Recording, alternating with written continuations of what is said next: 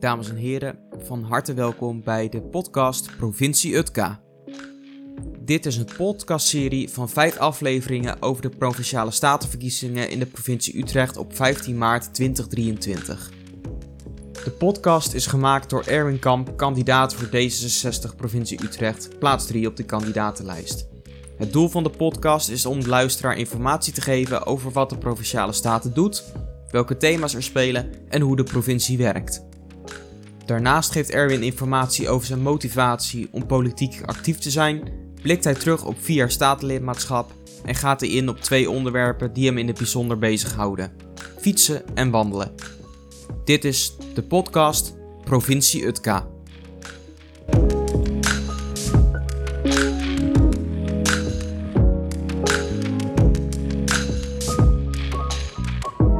Aflevering 1.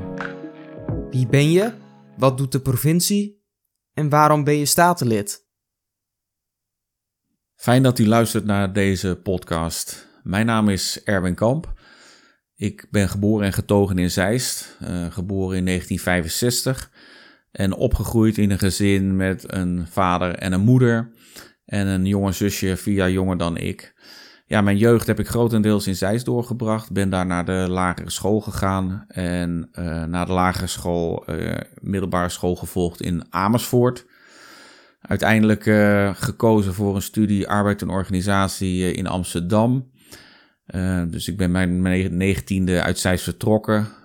en uiteindelijk heb ik ook nog een studie aan de Universiteit voor Humanistiek gevolgd voor de opleiding tot humanistisch geestelijke zorgen. Ja, daar werk ik nu uh, sinds eind jaren 90, uh, eh, dus bijna 25 jaar. Uh, en inmiddels ook zeven jaar hoofd van dienst. Ja, ik herinner me de tijd in Zeist als een hele fijne tijd. net zoals zoveel jongeren kreeg ik ook een vakantiebaantje, onder andere bij het oude Vigi in Zeist. Ik heb daar eerst in de bediening gewerkt uh, en later uh, uiteindelijk nachtportier geweest. Dat was wel heel mooi.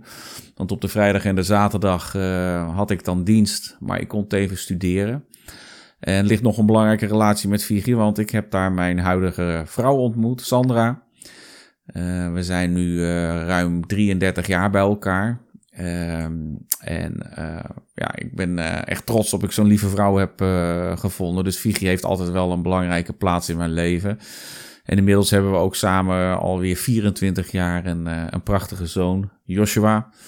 Nou, in mijn vrije tijd wandel ik en fiets ik heel graag in Doren. Wij hebben twee honden, sinds kort een, een pup, twee cocker spaniels. Dus best een handenbindertje, zo'n jonge pup. Maar ik vind het erg fijn om in de, in de bossen te zijn. Uh, en daarnaast uh, lees ik graag uh, filosofie. En ik vind het ook heel fijn om naar een wellnesscenter te gaan. Dus in de jacuzzi of in een sauna om te ontspannen. Ja, is natuurlijk de vraag van waarom een podcast, Erwin? Ja, ik eh, denk dat een podcast toch eh, wat meer eh, tijd en ruimte biedt om een persoonlijk verhaal te vertellen. Ik vind het zelf altijd leuk als ik wat meer achtergronden ken van mensen, bijvoorbeeld die politiek actief zijn. Van wie zijn dat nou en waarom zijn ze politiek actief? Dus een podcast geeft meer ruimte voor meer achtergrondverhalen. dus ik hoop ook dat dat hier uit de, uit de verf gaat komen. ik vind het ook best wel spannend. het is een nieuw medium. Uh, dus uh, ja, ik heb er eigenlijk geen ervaring mee, maar ik dacht ik ga gewoon een keer beginnen. Um, dus ik, uh, ja, ik hoop dat het positief wordt ontvangen. Ik vind het in ontzettend leuk om te doen. Ik heb gekeken op Spotify en gezien dat er nog lang niet zoveel politici, zeker niet op provinciaal niveau, een eigen podcast hebben. Dus ja, het is ook een, een probeersel. En ik hoop op een, op een mooie serie van vijf afleveringen. Ja, en om maar gelijk met de deur in huis te vallen van uh, waarom ben ik politiek actief? Nou, ik heb daar verschillende redenen voor. De eerste dat ik uh, humanist ben. Uh, dus ik heb een bepaald mens- en wereldbeeld. Uh, dat klinkt misschien wat, wat groots. Maar ik vind het heel belangrijk om niet alleen idealen te hebben in je leven, maar ook die idealen concreet in de praktijk te brengen. Dus je kunt, nou ja, mooi mooie verhalen vertellen. een van mijn motto's is onder meer: je moet niet alleen luisteren wat mensen zeggen, maar kijken naar wat ze doen of nalaten. Dus ik wil ook verantwoordelijkheid nemen en mij maatschappelijk actief opstellen. Ja, dat kan natuurlijk op vele terreinen. Dat kun je doen als vrijwilliger, dat kun je doen in een voetbalvereniging. Ja, ik doe dat binnen de politiek. Uh, omdat ik ervan overtuigd ben dat uh, nou, in de politiek belangrijke besluiten worden genomen over de inrichting van onze samenleving. En uh, over onze eigen toekomst, maar ook over de toekomst van onze kinderen.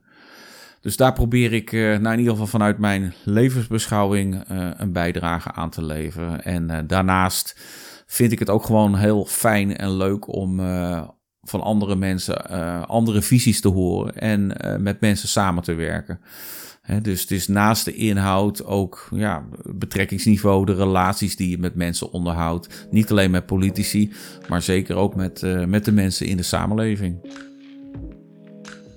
Ja, politiek actief worden, dat doe je natuurlijk niet zomaar. Ik denk dat dat bij mij de interesse voor politiek is ontstaan uh, toen ik een jaar of 19 was. Ja, ik vertelde al dat ik uh, voor studie ben verhuisd. En ik weet nog dat ik naar de gemeente Zeist ging. Eh, ik stond daar ingeschreven als uh, woningzoekende. Ehm, en ging naar de balie toe en vertelde van... ja, ik ga binnenkort verhuizen naar Amsterdam voor studie. Uh, ik laat me uitschrijven omdat ik niet meer in Zeist woon... maar ik wil wel graag ingeschreven blijven staan als woningzoekende. Toen kreeg ik van eh, de ambtenaar achter het loket te horen: Ja, Erwin, dat is geen enkel probleem. Je kunt eh, rustig naar Amsterdam verhuizen, eh, maar je blijft op de lijst staan. Dat mocht je weer terugkomen uit Amsterdam en weer in Zeist wil wonen, dat je in aanmerking komt voor een woning. Nou, drie, vier maanden later, ik weet niet meer precies hoeveel maanden later het was. Maar toen ontving ik in één keer een brief van de gemeente Zeist dat ze me hadden uitgeschreven als woningzoekende. Ja, dat vond ik toch wel heel uh, vervelend, want dat zou mijn kans op een woning in Zeist uh, verkleinen. En bovendien, er was mij iets toegezegd, weliswaar mondeling, uh, niet op papier. ja, en ik was er eigenlijk heel verbolgen over, want ik denk, hoe kan dat nou? Iemand belooft mij wat, ik handel zoals ik denk dat ik goed handel. En dan in één keer krijg je te horen dat je ja, niet meer in Zeist kunt wonen, althans niet sociaal kunt huren. Um, ja, ik, ik heb daar best een tijdje mee gezeten. Maar goed, uiteindelijk uh, toen ik klaar was met studie en weer terugkwam, uh, heb ik een woning gevonden, weliswaar op de commerciële markt. en ik heb daar een jaar of drie, vier gewoond op de Valkenboslaan. En ik merkte dat het onderhoud van die flat waarin ik woonde heel erg slecht was. Uh, heb me daar ook uh, druk voor gemaakt en met een aantal uh, bewoners van de flat heb ik een bewonersplatform opgericht. Ja, en zo kwam ik ook terecht uiteindelijk bij de verhuurder van die flat, maar ook bij de gemeente. En ben ik me in gaan verdiepen wie nou verantwoordelijk is, niet alleen voor het wonen, voor het aanbieden van voldoende woningen, maar ook voor het onderhoud. En wat dan precies je plichten en je rechten zijn. Nou ja, om een lang verhaal kort te maken, ehm, de uiteindelijke verhuurder wilde niet echt meewerken. Dus ik kan me herinneren dat ik ook een paar keer uh, naar de huurcommissie ben gegaan. Uh, om uiteindelijk ook uh, proberen de verhuurder zover te krijgen dat er geen schimmelvorming meer zat in mijn badkamer. dat mijn, nou, in ieder geval mijn flat ook wat duurzamer werd gemaakt. Dat er regelmatig schilderwerk werd uitgevoerd. en dat lukte. Eh, en om zo samen met bewoners op te trekken, dat vond ik ontzettend fijn. En ook om uiteindelijk eh, richting de politiek te stappen. En uh, nou ja, maar, maar politieke partijen te vragen: wat doen jullie nu eigenlijk aan voldoende woningen? Als ik zo terugkijk, dan denk ik eigenlijk: wat is er in die afgelopen, wat is het, ruim 30 jaar veranderd? Want er is nog steeds ontzettend veel behoefte aan woonruimte. Inmiddels is misschien de bouw is wat duurzamer en beter. Maar uh, ja, ik, eh, ik kreeg daardoor eigenlijk de smaak te pakken. En uh, dat is een van de redenen waarom ik uh, politiek actief ben geworden. Ja, interesse hebben voor de politiek is één. Maar de tweede vraag is natuurlijk: voor welke politieke partij interesseer je dan? Nou, ik heb gemerkt, ik heb een aantal politieke partijen verkend. En ik merkte dat D66 het beste bij mij past. Uh, het had ook te maken met uh, ja, niet een, uh, wat zal ik zeggen, hele klassieke opvatting voor mijzelf van hoe je politiek moet bedrijven. En van oudsher kan je zeggen dat een aantal partijen toch staan voor belangengroeperingen. Partij van de Arbeid, de Arbeiders, VVD, Liberalen voor het kapitaal. En wat ik zo goed vond van D66 is dat ze het zoeken in inhoudelijke onderwerpen. Dus uh, wat ik altijd uh, heb onthouden, is zowel radicale democratisering, uh, de emancipatie van de mens. dus iedereen telt mee en goed leefmilieu, een duurzaam leefmilieu. Ik denk dat D66 daar al van de oprichting, het is nu ook weer actueel, maar zich vooral heel erg eh, voor heeft ingespannen. En pas in een later stadium, maar dat heeft ook een beetje te maken met mijn eigen achtergrond, merkte ik ook dat als het gaat om immateriële onderwerpen als abortus en euthanasie, het homohuwelijk, dat D66 echt de partij is die voor mij die vrijzinnige boodschap uitstraalt, die ik uh, zo broodnodig vind in de Nederlandse samenleving. Uh, dus ja, ik heb uh, uiteindelijk ben ik in 88 ben ik lid geworden van D66 en me gaan oriënteren, meegelopen met de steunfractie. En uiteindelijk heb ik mijn kandidaat gesteld voor de gemeenteraadsverkiezingen van 1994. Ik heb vier jaar in de gemeenteraad van Zeist gezeten. Uh, daarna kwam ik te werken voor Defensie en uh, was ik ook veel uh, op weg met zeker het Corps Mariniers. Ik heb tien jaar als humanistisch raadsman voor het Corps Mariniers gewerkt. Dat betekent dat je veel mee bent op uitzendingen en oefening. Berg- en wintertraining in Noorwegen. uitzending naar Afrika, Ethiopië, Eritrea en een half jaar in Irak. Nou ja, dat betekent in ieder geval dat mijn werk bij Defensie, dat ik dat niet kon combineren uh, met politiek actief zijn op een lokaal niveau. Dus na 98 heb ik mij ook niet meer kandidaat gesteld. Wat wel heel mooi was van uh, het vele weg zijn bij uh, het Corps Mariniers, is dat ik ook een plaatsing kreeg op Curaçao samen met mijn vrouw en zoon. Daar heb ik van 2004 tot 2008 gewerkt op de marinebasis Parera. En in de vrije tijd, ja, het kriebelde toch een beetje om politiek actief te zijn heb ik ook uh, de D60-afdeling Caribisch Gebied opgericht. En het mooie was in die tijd is dat uh, Alexander Pechtold, die was uh, minister voor Binnenlandse Zaken en Koninkrijksrelaties. Die kwam ook af en toe op bezoek. En ehm, nou, ik denk dat in de periode 2004-2008 ik hem ook een stuk of drie, vier keer heb gesproken en me uitgenodigd om ook iets voor de afdeling, voor de mensen die daar lid waren, te komen vertellen over uh, politieke onderwerpen. Ja, naast toen ik terugkwam uh, uit het Caribisch gebied, uh, ben ik gaan wonen weer in Doorn en heb mij kandidaat gesteld in 2010 voor de gemeenteraad. Nou, ik heb twee periodes, dus in totaal acht jaar op de Utrechtse Heuvelrug in de gemeenteraad gezeten. Um, in de tussentijd ook nog lid geweest van een aantal werkgroepen, landelijke werkgroepen van D66 waaronder uh, buitenlands beleid, veiligheidsbeleid en de werkgroep Geloof en Politiek Handelen. Uh, nou ja, dat was weinig concreet, maar meer op een, ja, wat zal ik zeggen, conceptueel nadenken over uh, politieke onderwerpen. En nadat ik uh, nou, in totaal twaalf jaar gemeenteraadslid ben geweest, dacht ik, het wordt tijd om in ieder geval eens te kijken of ik lid kan worden van een ander bestuursorgaan.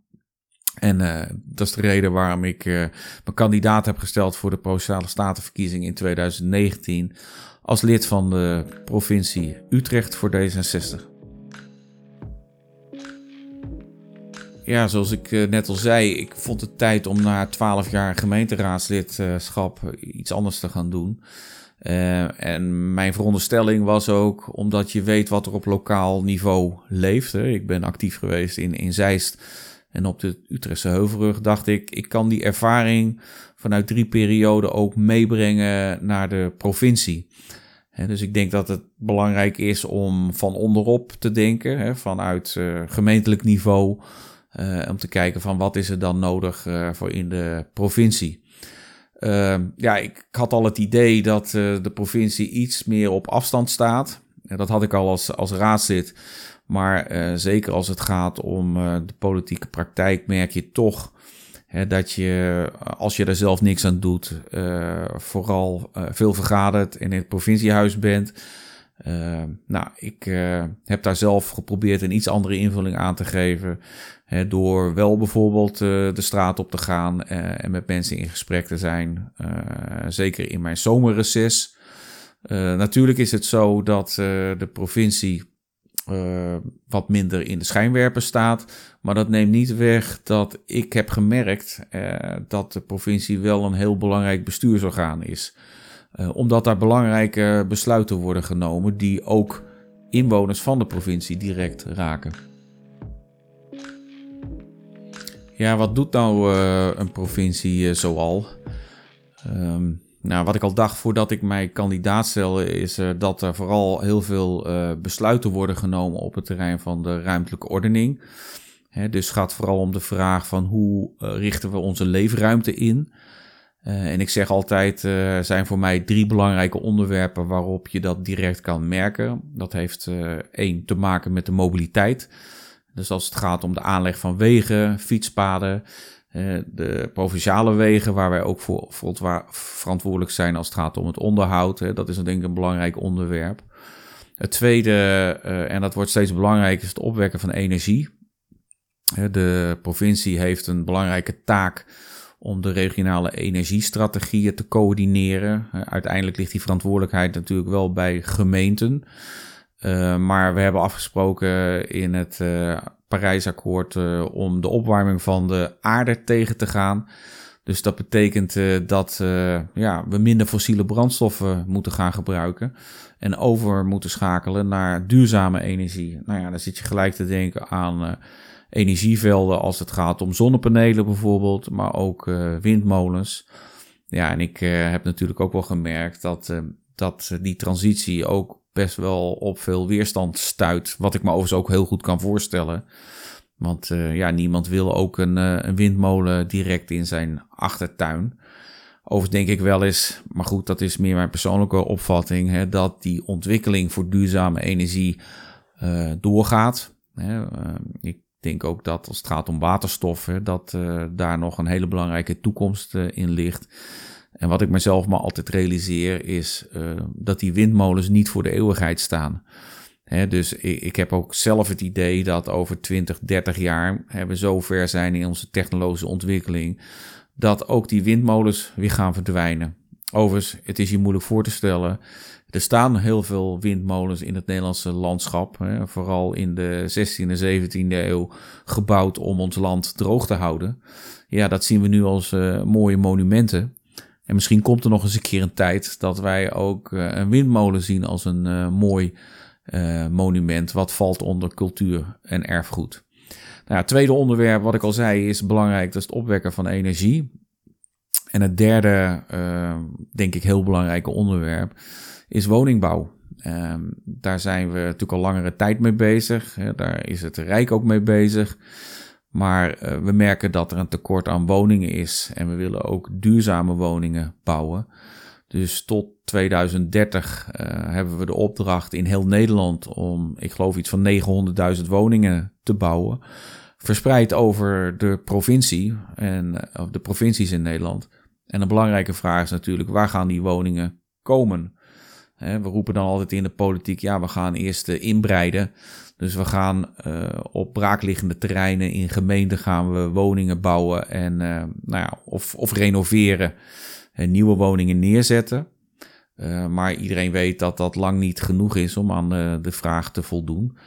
Dus we moeten heel goed kijken in, in de provincie op welke plaatsen we nu woningen willen neerzetten. Want ook die woningen die staan niet voor tien jaar. meestal is het zo dat als je natuur onttrekt, dat dat niet zomaar meer terugkomt. Dus dat zijn beslissingen die nou ja, lang doorwerken. En ik denk dat je dat op een zorgvuldige manier moet doen. Uh, daarnaast uh, kun je niet overal zomaar woningen neerzetten. We hebben te maken met uh, verlaging van de grond. Dus ieder jaar in veenweidegebied zakt de grond ook. Um, dus dat is best wel een, een opgave. en daarnaast niet iedere inwoner van de provincie Utrecht wil een nieuwe woonwijk naast zijn huidige woning. Maar dat neemt niet weg uh, dat ik vind ook dat uh, de provincie zijn verantwoordelijkheid moet nemen. en in samenspraak met omwonenden, met gemeenten, gemeenteraden moet kijken waar we die woningen voor de toekomst neer gaan zetten. Dus drie belangrijke onderwerpen: mobiliteit, energie en wonen. Nou, en ik kan me niet zeggen dat die onderwerpen heel onbelangrijke onderwerpen zijn. Ik denk zelfs dat voor de komende vier jaar dat hele belangrijke onderwerpen zijn uh, voor iedereen in onze provincie. We hebben in de Provinciale Staten van Utrecht in totaal 49 zetels. Dus kunnen 49 leden worden gekozen. Ehm, dat zijn dan provinciale statenleden. Daar gaat u op 15 eh, maart uh, voor kiezen. En daar komt er een verdeling naar grootte van partij. Uh, en uit die statenleden ehm, kunnen in ieder geval de vorming van een gedeputeerde staten komen. Meestal neemt de grootste partij ook het voortouw in de collegeonderhandelingen. En dan gaan ze kijken welke partijen aan de hand van verkiezingsprogramma's, maar thema's ook die zijn besproken tijdens de campagne. En welke partijen nu nou ja, het dichtst bij elkaar liggen.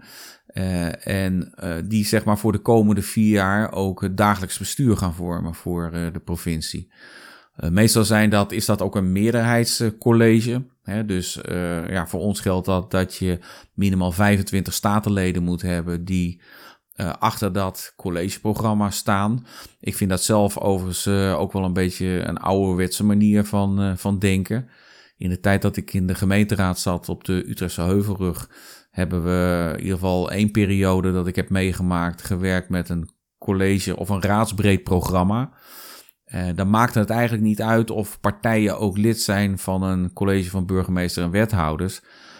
vaak ben je het uh, binnen de gemeenteraad, maar ook in de staten, misschien wel over 70 of 80 procent van de onderwerpen met elkaar gewoon eens. En verschil je voor 20 of 30 procent. Dus waarom zou iemand die niet lid is van een coalitie ook uh, het collegeprogramma kunnen ondersteunen?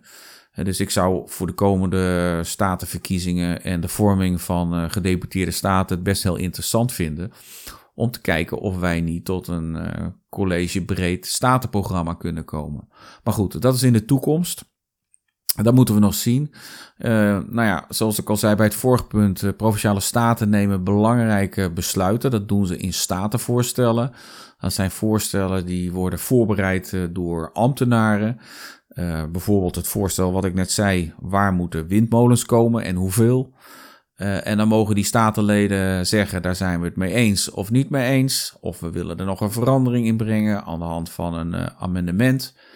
Maar het mooie is van uh, zijn, los van ja of nee zeggen tegen statenvoorstellen, is dat je ook zelf met ideeën kan komen. Een statenlid of een fractie kan een motie indienen. Je kunt een motie, een uitspraak van de staten kun je ondersteunen of juist niet ondersteunen. Um, en daarmee kun je ook zelf onderwerpen aandragen uh, die anderen uh, ja, zeg maar over het hoofd zien of niet belangrijk vinden.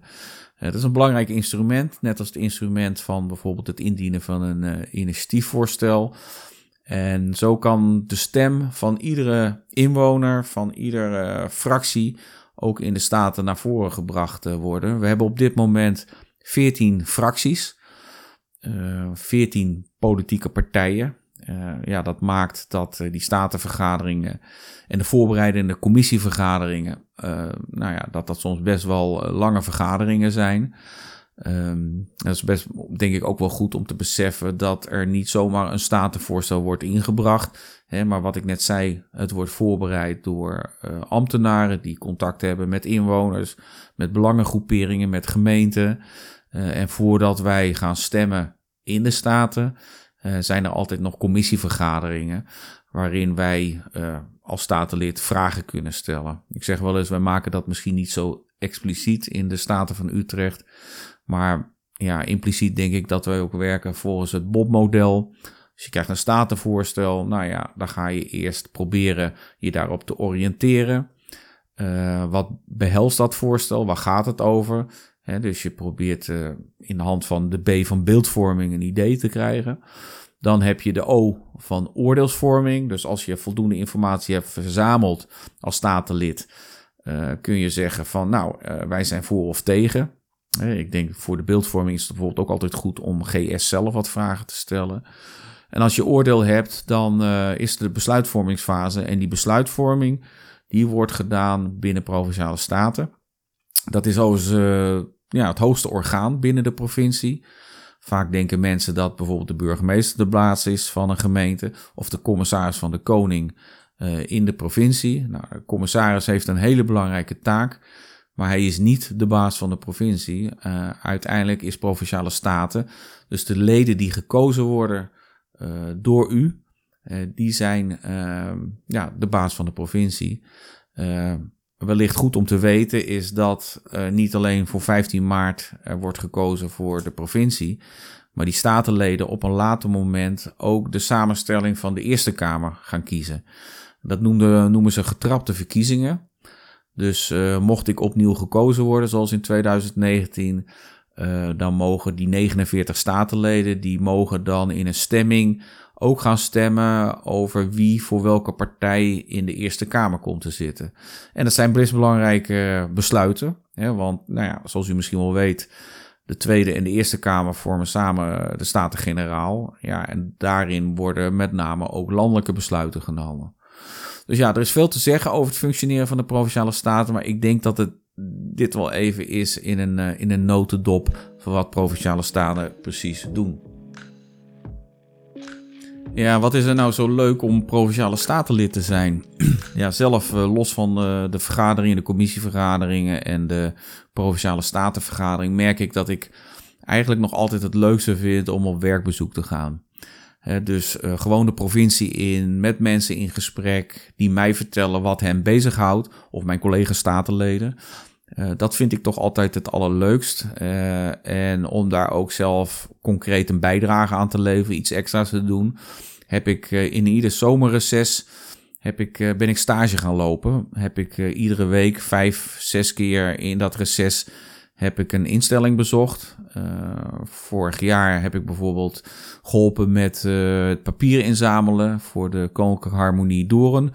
Heb ik achter een vuilniswagen meegeholpen papier inzamelen. Uh, en dat geeft mij een veel completer en beeld, beter beeld van wat er in onze provincie bereikt. Dus als je vraagt van ja, wat vind je nou echt het leukste? Dat zijn vooral die uh, werkbezoeken. Uh, en daarnaast van het ja of nee zeggen tegen een statenvoorstel, vind ik het eigenlijk ook uh, ontzettend leuk om zelf onderwerpen te bedenken. die ja, mogelijk door anderen niet gezien worden of ja, minder belangrijk worden geacht. een van de dingen is bijvoorbeeld de aandacht voor het fietsen en het wandelen. Nou ja, ik heb daar afgelopen vier jaar ook activiteiten voor georganiseerd. Uh, en als je dan iets bereikt, iets wat uiteindelijk lukt, waar je aandacht voor vraagt, dat kan zijn in de vorm van een motie of een initiatiefvoorstel, dan is het nog mooier. Want nou ja, dan heb je in ieder geval het idee wat jij had, waardoor onze samenleving nog iets mooier, gelukkiger, blijer van wordt, in de praktijk kan brengen. Dus ja, ja ik, ik, kost best wel veel tijd. Iemand zei wel eens tegen mij van uh, Erwin, uh, als je iets doet, dan moet je dat doen uh, met het oogpunt vanuit de drie P's. Ik zei, nou ja, wat zijn die drie P's dan? Ja, dat is poen, prestige en plezier. Ja, en terwijl hij dat zo zei, moest ik daarover nadenken. Want ik denk, ja, je bent niet volgens mij statenlid vanwege de poen. Je houdt er wel financieel iets aan over, maar als ik alle uren omreken uh, in tijd wat ik daaraan kwijt ben, uh, dan, nou, dan is het geen vetpot. ik klaag er overigens niet over hoor, want ik vind het ook een hele eer om te mogen doen. Dus nou, je moet het zeker niet doen voor het geld. prestige. Nou ja, ik moet eerlijk zeggen dat het actief zijn als politicus, lokaal, provinciaal of landelijk, dat dat niet een heel populair beroep is. Ik merk zelfs de laatste periode, en dat vind ik best heel schokkend. Ik ging uh, niet zo lang geleden op de foto met Jan Paternotte, D66 fractievoorzitter in de Tweede Kamer. Nou, ik had dat op Twitter gezet. En als je ziet wat voor reacties er dan komen, dan schrik ik daar echt van. juist in een tijd waarin we aandacht vragen voor minder polarisatie, krijg je heel veel bagger over je heen. Terwijl ik denk, waarom? Wat heb ik u misdaan. dus voor de prestige, voor het aanzien, hoef je het zeker niet te doen. En wat blijft er dan over? Dat is de P van plezier. En uh, nou, dat is voor mij ook een belangrijke ingrediënt om uh, actief te zijn. Ik vind het heel fijn om in een uh, fractie om samen te werken. ik vind het fijn om contacten te hebben met verschillende provinciale statenleden en met u in de samenleving. Hè. Dus zolang voor mij de balans doorslaat naar plezier, blijf ik dit, dit werk doen. Ja, en uh, geheid komt dan ook altijd uh, de vraag aan de orde van wat heb je nou uh, eigenlijk de afgelopen vier jaar bereikt? Hè? Wat vanuit 2019 tot 2023, wat is er dan gelukt? Ja, ik kan me herinneren dat ik toen ik gemeenteraadslid was ook die vraag kreeg. En ik vooral van mijn mede-raadsleden zag, ja, ach, niet zoveel. Ehm, nou weet ik niet of het heel eigen gereid is, maar ik denk dat ik wel drie dingen heb bereikt. Uh, overigens moet ik er wel bij zeggen, dat doe je nooit alleen. Je kunt pas wat bereiken hè, door met anderen samen te werken. Hè. Dus er zal nooit een statenvoorstel worden aangenomen als je niet bereid bent om in overleg met andere mensen te treden, uh, samen te werken, misschien soms ook concessies te doen. Dus het is lang niet zo dat je altijd je eigen zin door kan drijven. En dat is maar goed ook. Maar goed, ik denk dat ik de afgelopen vier jaar, en daar ben ik best wel trots op, wel drie dingen heb bereikt uh, die uh, nou ja, ook wel zichtbaar zijn geweest in de samenleving. Als eerste noem ik, en daar ben ik overigens al mee begonnen toen ik gemeenteraadslid was, met het fietspad voor de toekomst. Het is een fietspad, daar zal ik later in deze podcastserie uh, nog wat uitgebreider op ingaan, tussen Utrecht en Wageningen. in dit geval Veenendaal, omdat dat nog binnen de provincie Utrecht ligt, waarop allerlei innovaties gaan plaatsvinden op het terrein van fietsen. En de afgelopen vier jaar hebben er ook in ieder geval drie uh, proeven plaatsgevonden, experimenten om het fietsen veiliger en aantrekkelijker te maken. Uh, dat fietspad is nooit klaar, vandaar dat het ook fietspad voor de toekomst heet. Uh, maar dat is denk ik wel een heel mooi zichtbaar initiatief. Het tweede is dat ik aandacht heb gevraagd voor het immateriële erfgoed. Dus binnen de kunst- en cultuur- en erfgoedsector uh, is er ook erfgoed wat niet altijd zichtbaar is. Uh, daarin uh, moet u denken bijvoorbeeld aan de Sint Maartenfeesten of ja, Bloemencorso in Leersum. en ik denk dat naast aandacht voor materieel erfgoed de provincie ook aandacht moet vragen en behouden en misschien wel geld moet vrijmaken voor immaterieel erfgoed. Dus ik ben blij dat met het nieuwe programma wat we hebben geschreven dat immateriële erfgoed ook een plaats heeft gekregen.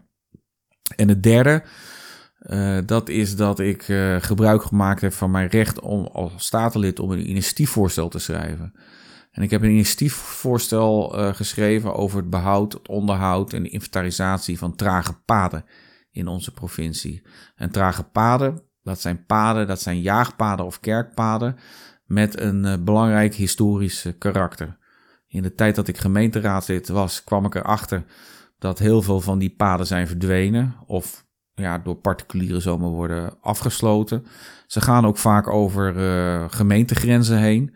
Hè, dus het verbindt de ene gemeente met de andere gemeente. En ik dacht, hoe mooi zou het zijn als de provincie daar een coördinerende, regievoerende rol in kan voeren. Uh, met name, uh, we laten twee jaar corona achter ons. Ik denk dat heel veel mensen wandelen ontdekt hebben en daar veel genoegen aan beleven. Uh, maar die trage paden, in mijn ogen waren die een beetje vergeten. Ik had ook verschillende artikelen gelezen, onder andere in het AD, hè, waarin stond uh, dat die paden zomaar werden afgesloten of niet goed werden onderhouden. Dus ik heb een initiatiefvoorstel geschreven om samen met de provincie en belanghebbenden, grondeigenaren, omwonenden, maar ook uh, mensen van Wandelnet, om nou eens te inventariseren waar liggen die paden maar ook hoe zit het met de juridische karakter van die paden? Wat kunnen wij als provincie wel, wat kunnen we niet? En hoe kunnen we naar de toekomst toe die paden behouden? Uh, afgelopen jaar, uh, 2022 november, uh, was er eind van het jaar dus een, een, symposium, een conferentie hierover. waar meer dan volgens mij 60, 70 mensen waren. En waarin we ook samen gezocht hebben naar antwoorden op de vragen. Ik vond dat zeer geslaagd. En een van de dingen waar ik heel blij van werd, is bijvoorbeeld uit die inventarisatie dat we uh, een aantal nieuwe paden, ik geloof 20 kerkpaden hebben gevonden en 18 jaagpaden. Dus dat geeft al aan dat hiermee voor mij dat initiatiefvoorstel is gelukt. He, uh, we kunnen het hebben over hele grote infrastructurele projecten als de verbreding van de A27. Maar juist dat kleine, dicht bij de inwoners, die wandelpaden, die trage paden, die zijn denk ik ook heel belangrijk. en ik heb dat met plezier gedaan en het is ook zeker mijn voornemen om daarmee door te gaan.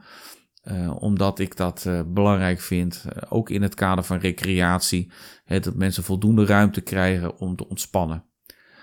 Tot slot, we hebben een grote woningbouwopgave. Dat betekent dat er veel gebouwd gaat worden. Ik denk ook buiten de huidige bebouwingsgrenzen.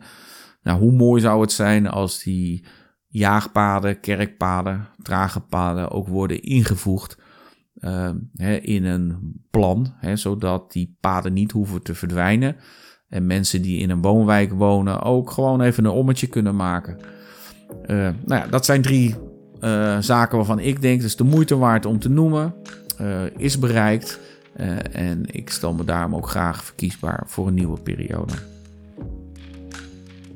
We zijn alweer aan het einde van de eerste aflevering van deze podcast gekomen. ik dank u voor het luisteren.